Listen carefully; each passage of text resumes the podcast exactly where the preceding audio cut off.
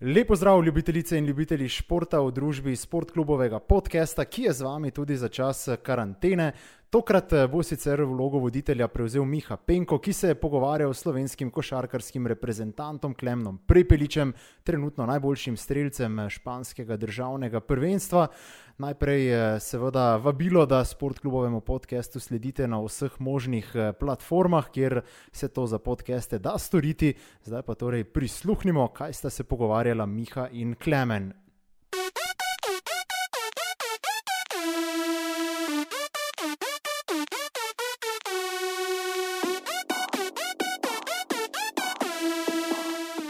Ja, lepo zdrav vsem skupaj, dobrodošli na Sport klubu. Eh, glede na to, da je trenutno obdobje zelo nenavadno tudi za športnike, vpliva seveda tale koronavirus čisto na vse, na naš vsakdanjik. Uh, imam danes priložnost, da se pogovarjam s Klemnom Prepeličem. Gre seveda za našega aktualnega reprezentanta, ne na zadnje evropskega prvaka, še vedno aktualnega evropskega prvaka, uh, najboljšega streljca španskega prvenstva. Klemen, živijo v Španijo. Zdrav, zdrav, lepo zdrav. Uh, Klemen, uh, trenutno stanje nas seveda zanima. Ne? Sicer bomo bistveno več govorili o sami košarki, ampak nekaj vendarle vsem skupaj. Zdaj, uh, tudi ti si z družino doma, odhodi iz stanovanja so praktično onemogočeni. Uh, kako v bistvu preživljate ta čas, kakšne so neke aktualne zadeve v Španiji? Ja, bom rekel, da, da zdaj smo dosta omejeni. Mislim, Španija je je šla po poti Italije, posebej zato, ker so Španci, bomo rekel, poznani po teh objemih, po ljubih, ko se, ko se srečujejo in enostavno pač niso dali dosto pozornosti temu novemu koronavirusu. Tako da je zdaj situacija dosta uh, zakomplicirana. Uh,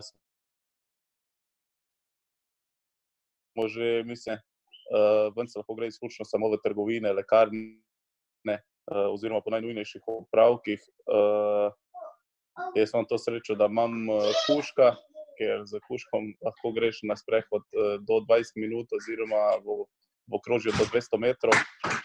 Tako da to so, rekel, to so te, to so te rekel, omejitve, ki, ki jih imamo v tem trenutku. Življenje sigurno ni lahko, ampak je kakršno je in uh, moramo se prilagoditi. Ne, če se osredotočimo čisto na, na športnika, na profesionalnega košarkarja, ki je pač navaden tega gibanja, uh, kako se ti te zadeve urejaš v smislu tega, da praviš kakšen trening doma, imate možnost, ki je, imaš možnost, ki je v kompleksu trenirati kakšen prostor. Pa iskreno, jaz sem skozi razmišljal, da bi šel v garažo, ker imamo dovolj veliko garažo, ampak uh, sem slišal, da tudi uh, drugi ljudje ne bi bili glih veseli, če bi uporabljal garažo. Da, uh, bom rekel, se mi je žena pridno priključila, trenirava skupaj. Uh, lahko kar pokažem, imam svojega kondicijskega trenerja, ki mi daje workoute. Eden je za, bom rekel, za roke, drugi je bolj kompleksen, tretji za noge in četrti, bom rekel, najlažji. Tako da delamo, koliko pa se da, ne, kar je, glih ne moramo nekaj delati, ampak pač dela probam ostati v neki spodobni kondiciji. Zdaj, to je neko sodelovanje s klubom, oni z njim si na vezi, imate kakšne vem, sestanke, se kaj čujete na, na par dni? Ja, imamo, bom rekel, jaz sem. Imam svojega kondicijskega trenerja, ki ga bom rekel, tudi sam temu primerno plačam. Eh, to je v dogovoru z obema kluboma, z Realom in Juventutom. Uh, imamo pa sigurno tudi program klubski, ki so nam ga poslali, in potem z mojim osebnim trenerjem to tudi, eh, bom rekel, prilagajamo. Ena specifična situacija, ne? Eh, kaj zdaj pravijo v Španiji, zdaj lige stojijo. Eh, dobro, vi kot Juventud ste iz, iz evropskih tekmovanj za letos izpadli, tudi z neke smole, lahko rečemo, ampak do tega prijemamo malo kasneje. Špansko prvenstvo za enkrat vseh tujih košarkarjev še niso spustili domov, verjetno tudi zaradi tega, ker želijo v nekem momentu to ligo nadaljevati oziroma zaključiti. Ja, definitivno španska liga se želi nadaljevati, zdaj pod kakšnimi pogoji, to je druga, druga zgodba. Ampak eh, v, v Španiji obstaja ta, tako mislim, da kličejo ABP, uh, eh, to je Players Association, ki, ki sigurno insistira na tem, da, da je čim bolj ugodno za, za igralce, po drugi strani pa liga čim bolj ugodno za klube. Da to je po eni strani dobra stvar, da, da da smo na tekočem non-stop.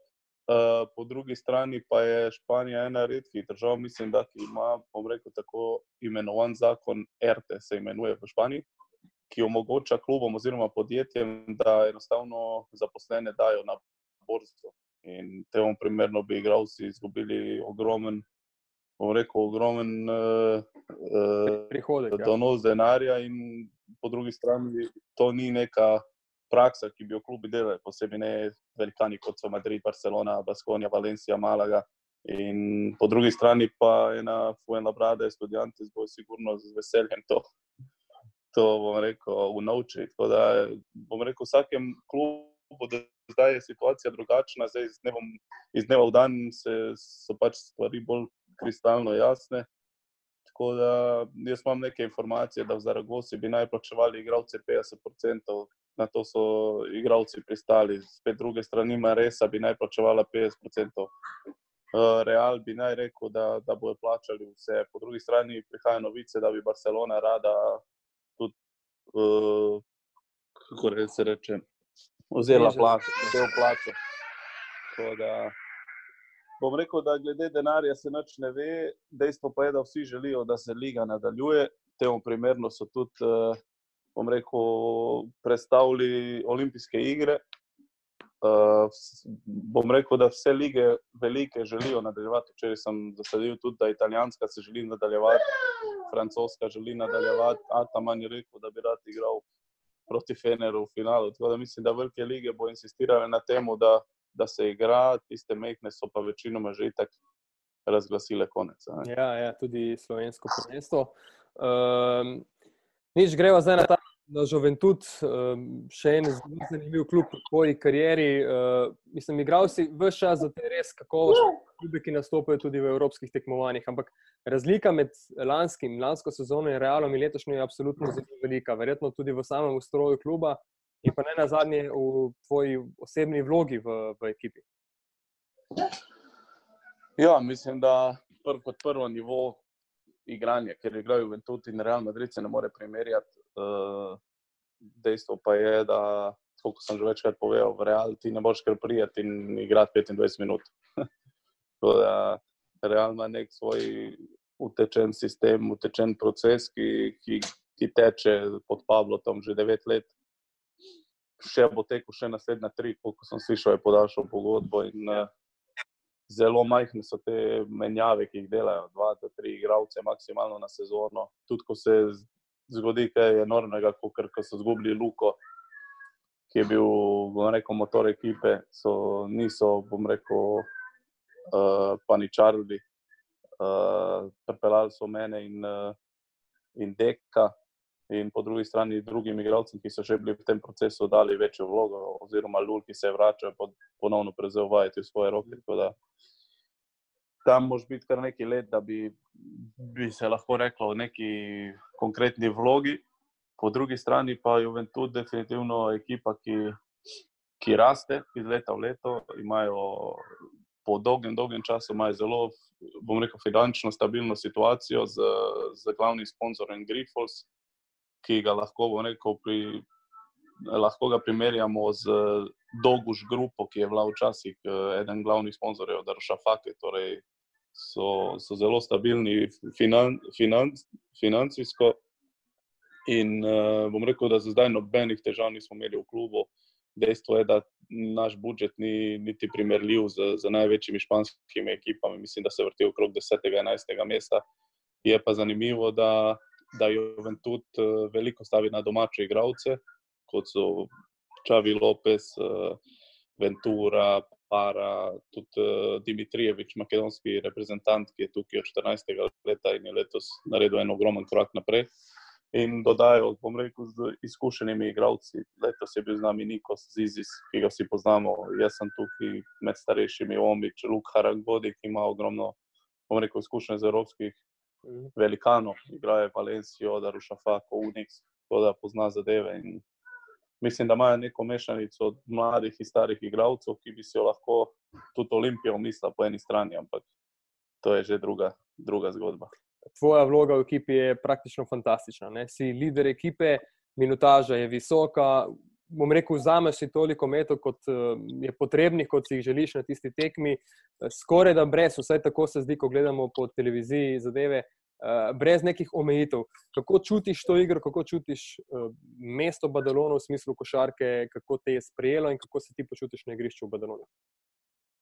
Ja, iskreno mislim, da sem iskal to situacijo, da, da bom bil tako rečeno, glavna faca ekipe, da si predvsem povrnem samo zavest. Uh, po drugi strani sem pa strani Reala imel dosti velike omejitve pri izbiri kluba. Rekli so mi, da čim gremo ven Španije, ne bi bilo glih dobro za njih in pač so insistirali, da, da ostanem v španski, v španski ligi, da se, bom rekel, navadim na, na ta sistem. Je to povezano uh, s tem, da imaš ti z Realom, se pravi, še možnost podaljšanja uh, sodelovanja, zaradi tega, da te imajo bolj na očeh, da te spremljajo?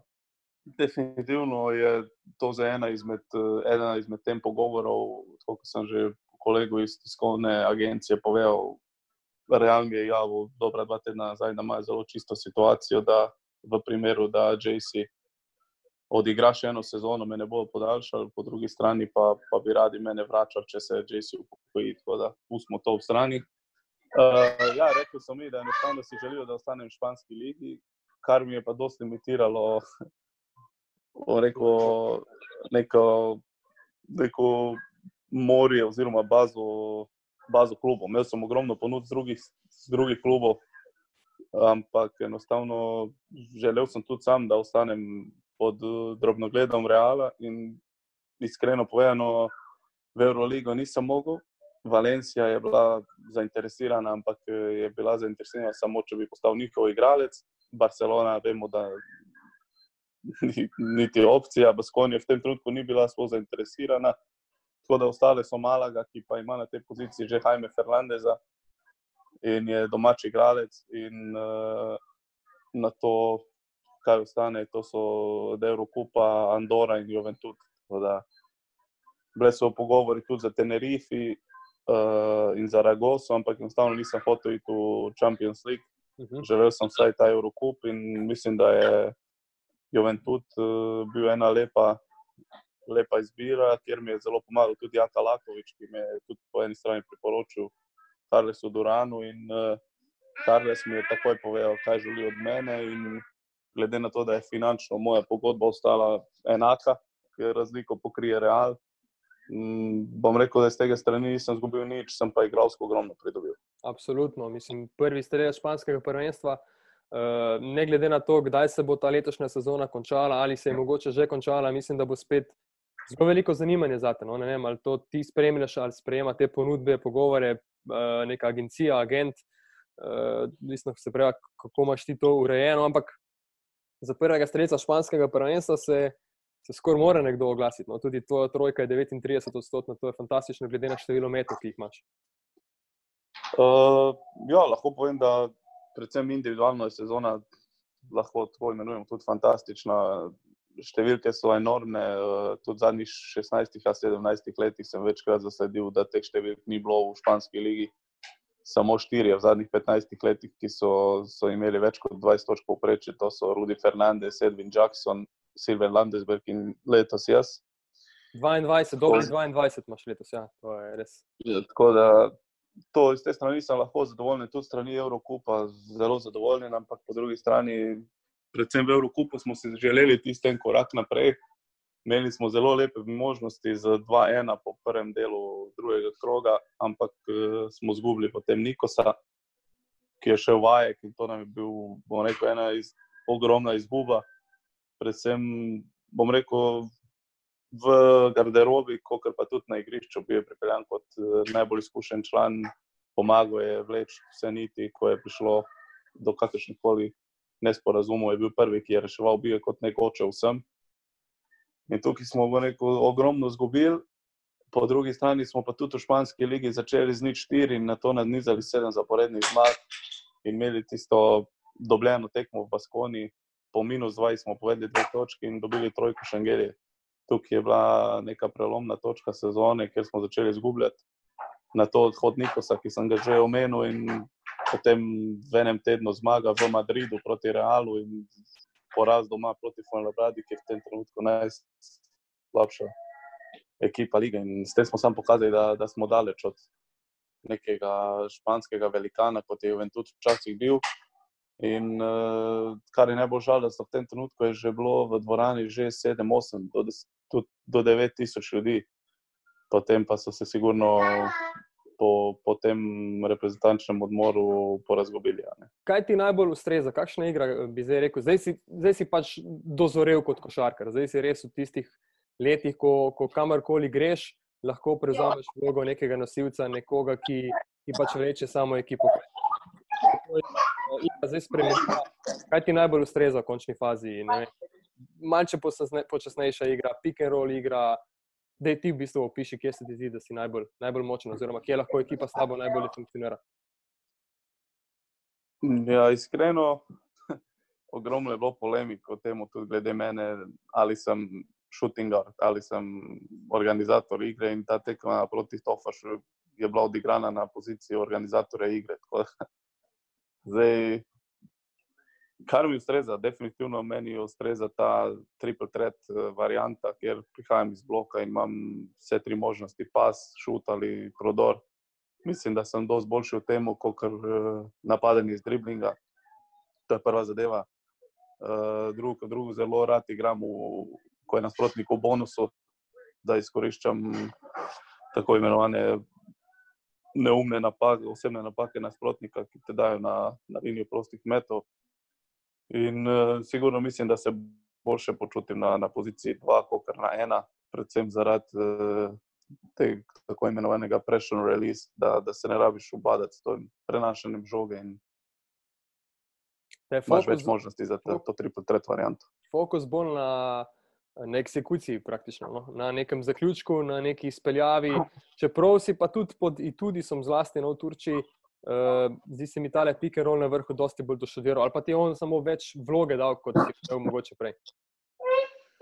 Ja, sigurno mislim, da sem jaz uh, vse svoje, neko največje tekme odigral kot skoraj. Pač, uh, mislim, da da je meni bolj na kožo pisanje doseganje točk, kot kreacija. Ampak, kot si rekel, pri tudi sem se dost vrgel tudi to kreation igro.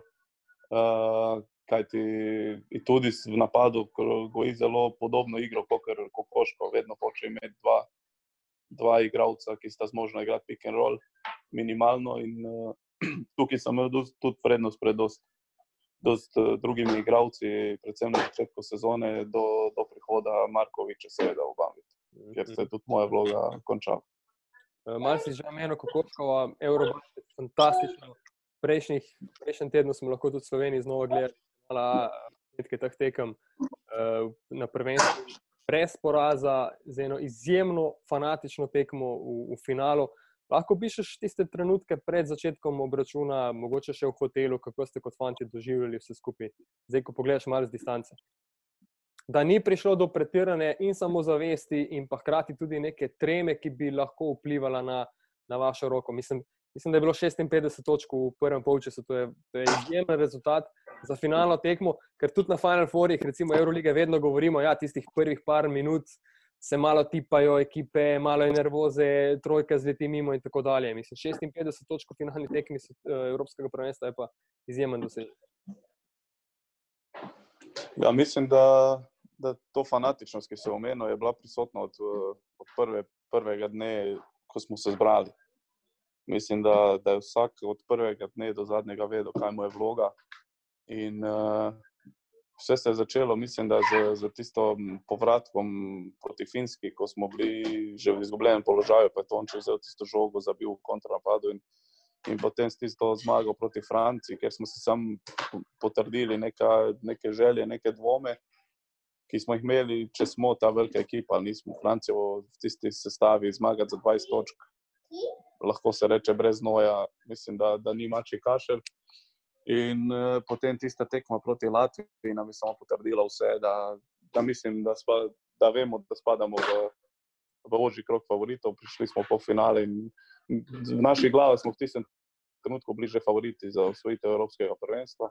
In tisti zadnji trenutki, pred vsako tekmo, mislim, da smo bili najbolj umirjena reprezentanca, kar se tiče tega. Goran je izjemno povezoval vse to, Luka kot razigrani mladenič je samo dodajal tisto neko navihanost in Tonči po tretji strani je imel to neopremenjenost. Ipak v Sloveniji ogromno ljudi pljuje, piše razne, razne komentarje in, in vsakemu to pride na uho. Mislim, mimo njega, vse mimo njega. Ja. In njega pač enostavno nič ni, nič ni doseglo. Ogromno ljudi ga je pljuvalo, zakaj, zakaj je on tukaj, prvih pet tekem in potem je iztekel tekmo samo rastu. In na koncu tudi s tistim polaganjem proti Srbiji, mislim, da dokončno zapečatil sodo Srbo in pokazal, zakaj je, po mojem mnenju, do prihoda Mirotiča bil najboljša štirka v Evropi in uh, da spada v Ligo NBA. Po Matjažu smo odišli najboljše štirke v Evropi. in uh, mislim, da, da to so. Ta, neka, ta naslov prvaka je ogromno, predvsem nam, Goranu, Luki, Antonijo, niti ne toliko, kot kar nam, ostali meni, Blažiču, predvsem Nikolič, odprl uh, pot proti, proti velikim klubom. Ja. Uh, zdaj, če greva čisto tako, ne, v reprezentanci se je zdelo, da imate res vsi tisto vlogo, kjer se najbolje počutite. Uh, za Antonija Randolfa, ki si ga omenil, ja, ljudje so bili skeptični v Sloveniji, ker večina ljudi še vedno ni spremljalo Reala tako, tako podrobno kot same reprezentance kasneje. Ne? In on absolutno ni prišel kot tisti, ki bo zdaj najboljši igralec te reprezentance, ki bo dosegel največ točk, ki bo vem, največkrat pobral eh, skok in tako naprej. Ampak neka vloga, ki jo je imel tudi v Realu, ne tudi v Realu, je absolutno med top 3, 4, 5, ampak. Nikoli pa ne tisti edini voditelj, od katerega vse, vse zavisi, sama igra, oziroma sam rezultat na koncu če so ljudje brali tisti intervju pred dobrim mestom, bi vedeli, o čem oba govoriva. Rendov je sam izjavil, da v prihodu v Real je, je potreboval 7-8 mesecev, da je sploh dojel, kaj pa Pablo Laso želi od njega. In da je dojel, da je to eden največjih klubov na svetu in da, da se bo pač vsako leto boril za, za lovorike. In ko je to dojel, je bilo vse lažje. In v realu, kot sem že povedal, uh, pred Lukom je Luli igral 25 do 30 minut, za, ko je bil Luka, je Luka igral 25 do 30, danes igra pa Fakundo Campazzo in to je edini igralec, ki igra več kot 22 minut poprečju. V realu je 12 igralcev, oziroma tudi tisti štiri, ki so na klopi v ekipe, so vsi dosti kvalitetni in v vsakem trenutku so pripravljeni za, za, za dati tisti maksimum in povesti ekipo do zmage. Tukaj vsak od 16 igralcev ima kvaliteto, da, da sam preobrne tekmo. In Pablo je samo tam tisti človek, ki to vse vodi in potegne tisto pravo potezo v pravem trenutku. In tako je bil Kokoško. Kokoško je točno vedel, od koga vse kar lahko dobi. Če začnemo samo pri, pri Zagorcu, ki ga je dal proti Latviji, ni odigral dobro, pa se je vrnil proti Španiji, odigral tisto ključno vlogo, ko se je delala razlika ob koncu prvega polčasa. Dimec, ki je odlično odigral v drugem polčasu Španije. To so vse igravci, ki jih redno Slovenija pluva, pluva, pluva, ampak so doprineli ogromen, bom rekel, doprinos k tej medalji. In po drugi strani pa je vrtel 8-9 igravcev non-stop, ki, ki smo bili v tistem trenutku v najboljši, najboljši formi, najboljšem stanju. In mislim, da se je vse super poklopilo, ker smo samo spremljali Gorana, ki pa je bil fantastičen si ti tekmo Srbijo, torej finalno tekmo, ogledal potem v enem kompletu še enkrat posnetku? Ja, sem si pogledal, definitivno vse Jaz, tekme. V teh dneh, no, ker smo pač spet imeli možnost to spremljati. Uh, Z nekaj manj čustvi ali pa z nekaj manj euforije kot takrat, uh, v, v živo, bom rekel, se je opazil določene zadeve. Ne? Opazil se je tvoja neka super obramba v nekem trenutku na, na uh, Bogdanoviču, ustavil si ga in iz tiste akcije, recimo, sledil proti napad, ker je, ker je Luka Dončić fantastično zabil tisti poster. Ne. Eh, vse neke zadeve, neke male zadeve, ki se mogoče niti ne v nekem momentu opazijo, pa se potem, ko prevrtiš malce film nazaj, vidi ta obramba. Pa ne samo to, da si ga skoraj da zablokiral, ti si mu sledil že prej na dveh pikih na vrhu. Torej, bil si z njim, bil si tesno ob njem in nisi mu pustil niti prostora, niti možnosti podaje, potem je pa že časa zmanjkalo. Ja, tukaj govorimo o tej pripravi, ki smo začeli še danes, se spomnim, 19. julija. In je stav naredil res izjemno delo. Še profesor Širle je prišel prav s tem namenom. Vsi smo bili izjemno pripravljeni, po drugi strani tudi uh, Kokoško, ki je izjemen psiholog, nas je tudi psihološko pripravil. In realno v tem trenutku sem jaz bil igralec Levaloa, Bogdanovič pa bil igralec uh, Sacramento Kings. to je, mislim, da 3 do 4 ali celo 5 nivojev, više košarka, ki jo je on igral. In enostavno v tem trenutku jaz nisem verjel, da je on boljši od mene. In pač imaš tisti neki je že v osnovi, imam ego dosti visok, v tem trenutku pa nam je Kokoško samo še dodatno podkrepil ta, ta ego. Z, z Goranom smo imeli neko varnost, da tudi če bomo mi kaj po domače povedan zajebali, bo i tako on nas povlekel iz reka in potem si imel še tu luko, kot sem rekel, in, in Landorfa, ki so venomer nekaj popravili in s tem bi tudi bilo dosti lažje prevzemati bilo kakršne koli odločitve. In pač, kot sem rekel, vsak od nas je igral med 12, eh, 13 do 25 minut, razen teh treh nosilcev. In, uh, mislim, da vsak je bil pripravljen v tem času dati svoj maksimum. Eh, zdaj bo spet skočil na Real Madrid in pa na, na Pabla Lasa. Meni je enega izmed najljubših trenerjev v, v Euroligi, vsaj v tem zadnjem obdobju.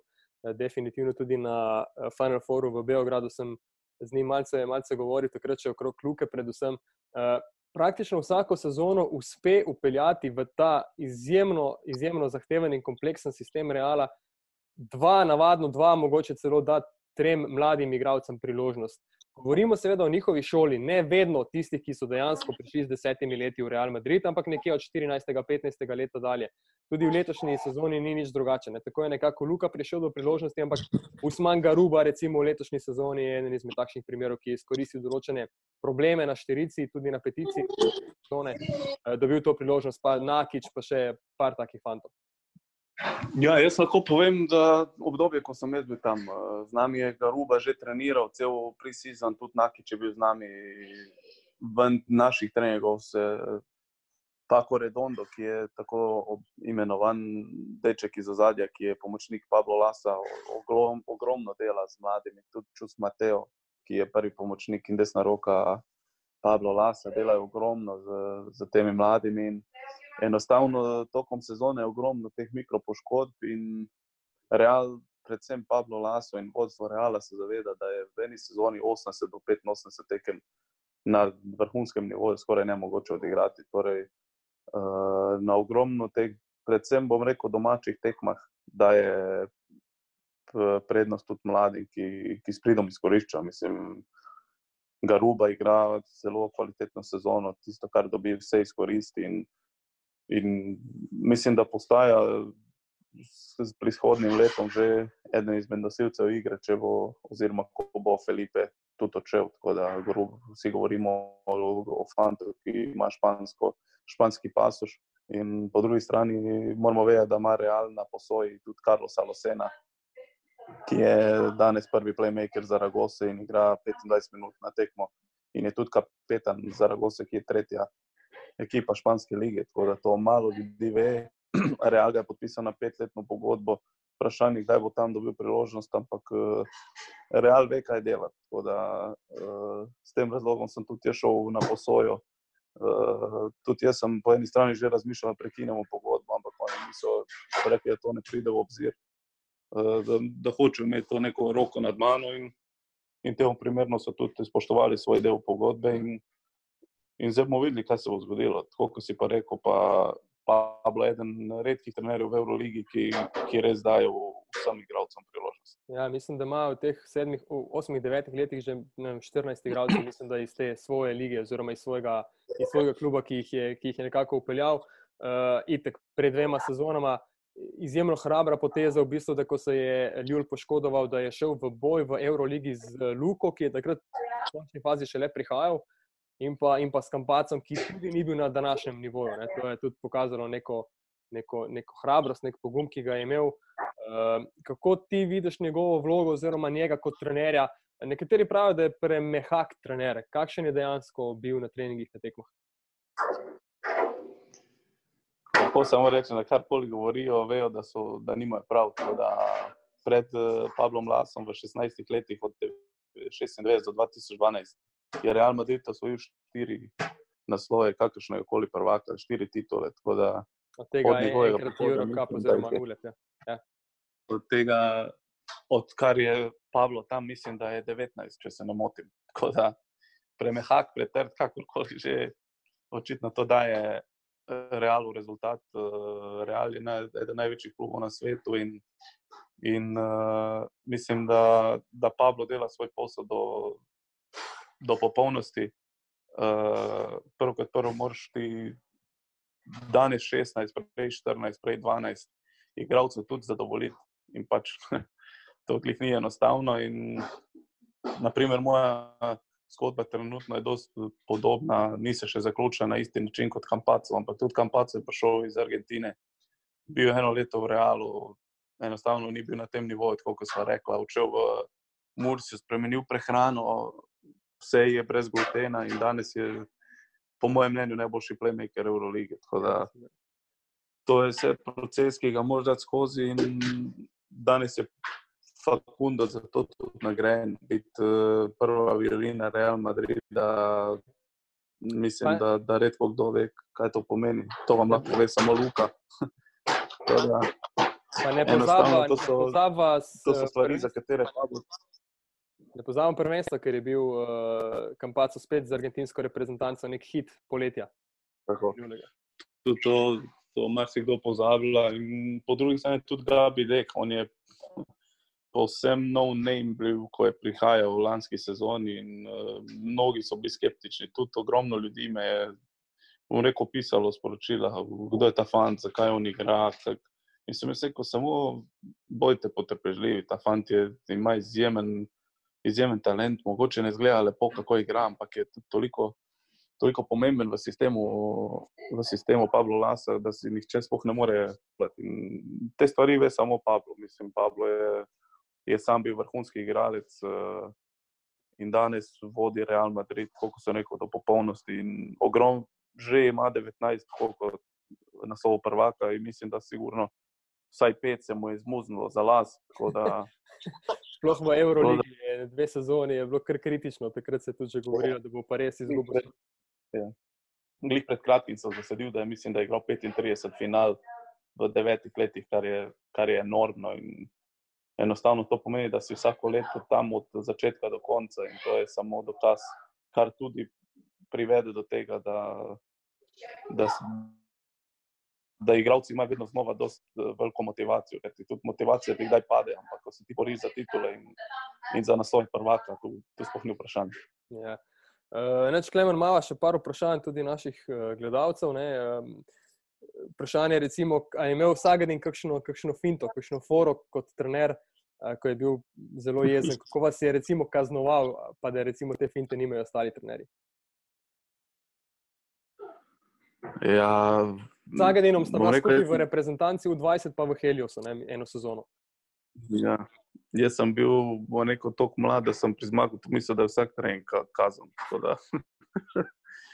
Treningi so bili tako dolgi, da, rekel, da je, da je zmagal imel neko svojo metodo treniranja. Ogromno je bilo zbadljivk, zmerjan, ampak vse to bilo z nekim pozitivnim namenom. Zdaj, da bi imel kakršno koli posebno, posebno kazen, to se ne spomnim. Spomnim pa se, da je mene kot tistega mladeniča vedno znova ob kakšni koli bedari, pregovarjanju s sodnikom, pregovarjanju njemu nazaj, kreganju s svojimi igravci, za kar sem bil tudi dosti poznat že v tem obdobju me vedno znova mi rekel, imaš ti preveč denarja, imaš ti preveč denarja, da ti samo malo od plače.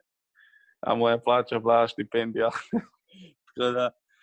Zmagal je točno vedel, kaj je delal in žal mi je, da ni dobil neke nove priložnosti, sploh v tem obdobju, ko sem jaz bil v Olimpiji. Enostavno sem si želel, da bi on prišel, če ne kot trener, kot, tudi kot direktor in postavil vse na svoje mesto. In, ampak mislim, da je zdaj že sam tudi zgubil neko motivacijo, proti, da bi, bi kakorkoli še, še dal košarkarskemu svetu. Malce se že uh, dotaknili tudi Dimitrij, se je tudi pri CSK od 2014, tudi on že na tnalu, že na tem na izhodnih vratih CSK, ampak ti veliki klubi vseeno ne radi menjajo tako čez noč, ne vejo, kaj pomeni trener. Razen, recimo, imamo tukaj izjemo mogoče uh, v, v Španiji pri, pri uh, Baskoniji, ki pač ima neko svojo vizijo, to vodstvo in so sposobni meniti tudi dva, pa tri trenerje na sezono. Ampak CSK ga je zadržal in izplačalo se je tudi njim, ne? tudi oni so osvojili potem to Euroligo. Ja, iskreno povedano, vsako sezono v Euroligi sigurno imamo pet nezadovoljnih ekip. Tako da v Evropi vsako leto v Euroligi lahko naštejemo Real, Barcelona, FS, Fener, pa Natinajkos, Olimpijakos, CSK, ki vsak želi osvojiti na 100 Eurolige in dolga ne osvoji, osvoji ga samo eden, je nezadovoljen. Tako da CSK ve, kaj ima, predvsem pa tudi in jaz lahko povem, da je tudi po mojem mnenju celo najbolj naštudiran evropski trener. Uh, tako kot sem rekel, zelo me spominja na, na Kokoškova, uh, po nekem stilu, v stilu košarke, ampak uh, mislim, da je njegovo treniranje in neka psihična situacija dosti drugačna od Kokoška. Kokoško je dosti miren in tudi se je dosti bolj eksploziven, ampak uh, tudi zna ogromno košarke ima košarko v malem prstu predvsem te special play, ki jih odigra po timeoutih, uh, odkje potegne kakšno potezo, koga da to igro. To ima zaštudirano do potankosti in lahko povem, da, da je eden izmed trenerjev, ki ve tudi, kaj se dogaja. Kljub temu, da je trener enega največjih klubov v Evropi, vseeno ve, kaj se dogaja tudi v Korejski ligi, kaj se dogaja v Braziliji. Spremlja košarko po celem svetu in da je košarka njegov način življenja. In, uh, vedno znova na treningih je spraševal, kaj se je dogajalo v tej ligi. In, in je videl, da sem jaz pač eden tistih, ki to poznam in me je veliko imel vrat, ampak po drugi strani pa po njegovem odhodu se je tudi moja epizoda pri Bambitu končala, ker je bil izključno on tisti, ki, ki me je želel pripeljati. Klemen, hvala lepa za kar dolg pogovor. Upam, da je bil malce drugačen, kot jih imaš navadno. No? Malo bolj košarkarsko smo probali vse skupaj speljati da poveš neke te ideje, vizije, kako misliš, vse skupaj pričakuješ. Zdaj, verjetno, če te vprašam, kdaj, kdaj se bo vse skupaj nadaljevalo, nekega odgovora najbrž nimaš, kot si rekel, liga. Ma neko svojo zadevo, sindikati, igralci, svojo klubi, spet neko tretjo zadevo. Situacija v Španiji še zdaleč ni dobra, celo iz dneva v dan slabša. Tako da jaz vam želim, v bistvu, da, da boste čim bolj mirno, predvsem prijetno zdržali med štirimi stenami, z minimalnimi odhodi tudi na zrak, ampak ja, pač, kakorkoli se to ne navadi, uživajte ne, v, v Španiji. Ja, lahko povem, da, da ne vemo, niti približno, da se je to končalo. Španski guverner je podaljšal karanteno do 12. aprila, minimalno. Tako da mislim, da, kot je rekel, na to stanje, mislim, da prejčerajšnje bilo celo 761 mrtvih in včeraj 550. Mislim, da se tudi v Sloveniji še vedno nekateri ne zavedajo dosti dobro situacije in še vedno hodijo okrog, kar je sigurno ni, ni priporočljivo. Jaz tudi vse pozivam, da se zadržijo doma, da, da se ustavi to, kar ti za vse nas je to. Nek neka izguba tako prostega časa, dobrih eh, izkušenj in konec koncev tudi prihodka. Tako da enostavno čas je, da, da se umirimo, da smo skupaj s svojimi družinami in jaz upam, da se bo to čim prej razrešilo, da se bo nadaljevala košarka z navijači, ker brez navijačev, sigurno vsi vemo, da je kot da igraš neko prijateljsko tekmo in mislim, da, da za zdaj še ni neke, neke luči na koncu tunela, ampak upam, da, da se bo v teh dveh, treh tednih zdaj vse izkristaliziralo. Jasno, enako uh, upamo tudi v Sloveniji. Hvala lepa, Klemen, za druženje Hvala. in kot rečeno, uživi še naprej. Zdaj, v bistvu malce več, časa, malce več časa s svojo družino, kot kasneje, ko bo v bistvu obveznosti kluba košarke terjele nek, ja. nek svoj ritem. Hvala, čau. Hvala, hvala, čau, čau.